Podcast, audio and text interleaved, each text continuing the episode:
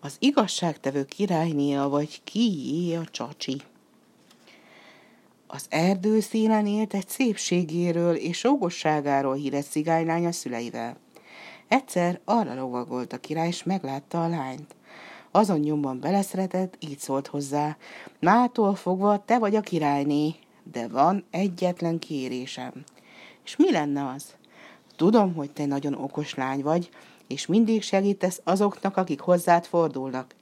Ígérd meg, hogy nálam nélkül nem adsz senkinek sem tanácsot. Szavamat adom rá, úgy lesz, ahogy kívánod, felséges uram, csak szeres, ahogyan én téged. Nagy boldogságban éltek a palotában. Egy nap a király így szólt a lányhoz. Kedves feleségem, el kell utaznom, de nem sokára visszajövök. Rendben van, felséges uram. Ne feledd adott szavadat, ha jön valaki tanácsot kérni, ne adj senkinek sem, várjanak meg, amíg hazaérek. Úgy lesz, ahogy kívánod. A király elutazott. Másnap reggeltől estig esett az eső. Két koldus járt a sáros úton, mindkettőjüknek volt feleséges egy-egy taligája.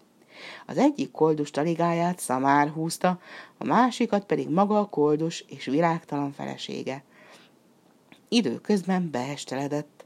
A palota mellett vertek sátrat, mivel nagyon fáradtak voltak, hamar elaludtak.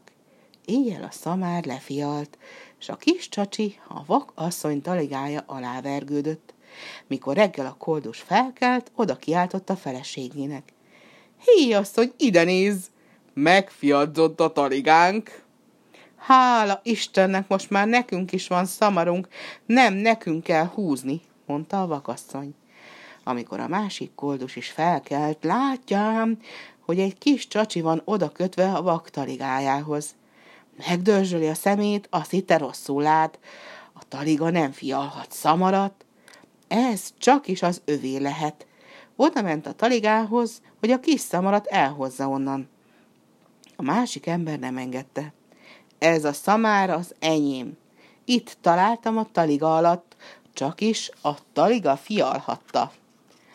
Hát már hogy mondhat ilyet? A szamár az enyém, az én szamaram fialta. Nem úgy van az. Enyém a szamár, mert a taliga alatt találtam. A feleségem is tanúsíthatja. Addig-addig vitatkoztak, míg összeverekedtek. Jól helyben hagyták egymást. A nagy csetepatéra kijött a királyné a palotából.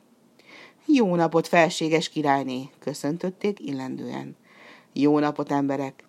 Miért vagytok ilyen nagy zajjal? Tégy igazságot, felséges királyné, nekem van egy szamaram. Neki nem volt.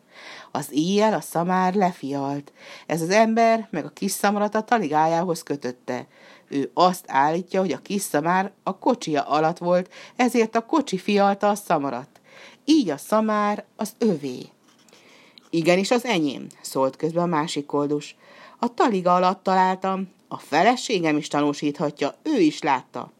Igen, Miénk a szamár. Én is láttam, hogy a mi taligánk alatt van, mondta a vakasszony. Ha láttad, hát láttad, mondta a királyné.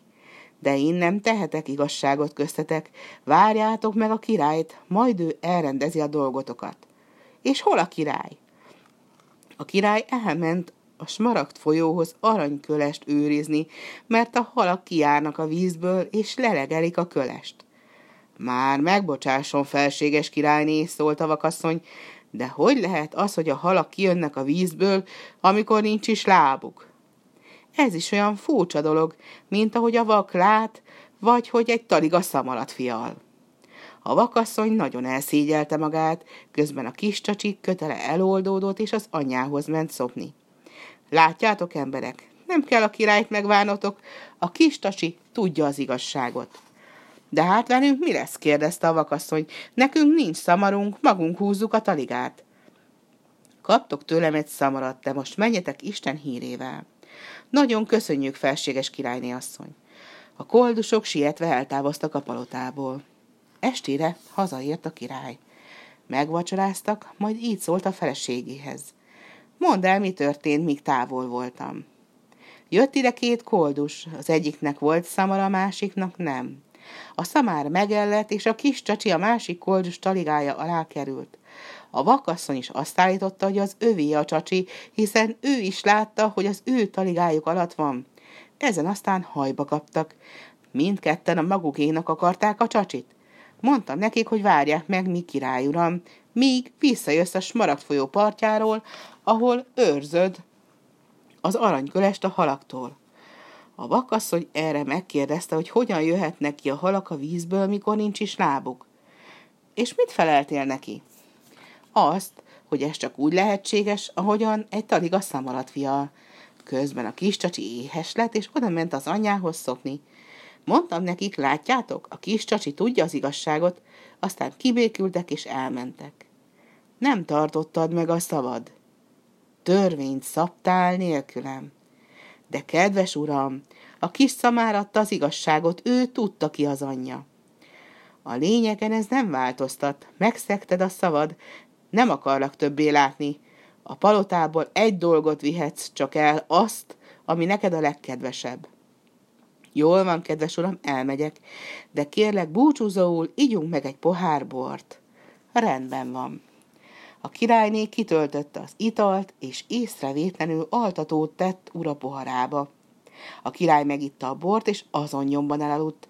A királyné behívatta a szolgáit, és a királyt kopott gúnyába öltöztették, majd levitték a hintajába. A királyné apja kunykújához hajtatott. Vigyétek be a királyt a házba, aztán elmehettek. Holnap délben legyetek itt, de egy percet se késetek, mert a fejeteteket vétetem. Igenis, minden úgy lesz, ahogy parancsolt a felséges királyné asszony. A király csendesen aludt a galjakkal fedett kunyhóban. A tetők is csípni kezdték, és vakarózni kezdett. Jaj, hol vagyok? Csak aludj, jó helyen vagy. Azt álmodtam, hogy... Jaj, valami belém csípett. Vakard meg. A király már mindenütt vakaródzott, a sok csípéstől egészen felébredt. Látjám, hogy valamiféle kunyhóban van, rajta meg csak göncök. Hol vagyok? Itt vagy, a szüleim kunyhójában. És hogy kerülök én ide? Hát, elzavartál a palotából, és azt mondtad, azt vihetem magammal, ami nekem a legkedvesebb. Én téged hoztalak el. Ide hallgass, te asszony. Belátom, hogy te nagyon okos vagy, pedig apád csak egy szegény, cigány halászember. Visszaviszlek a palotába apáddal, anyáddal együtt. Meg tudsz -e nekem bocsájtani, amiért elzavartalak? Megfelséges király uram. Mától fogva te szabod meg a törvényt. Okos is vagy, ügyes is vagy.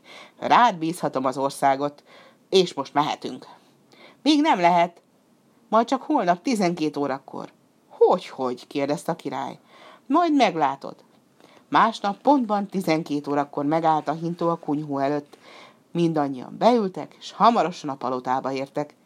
Telk múlt az idő békében, szeretetben éltek.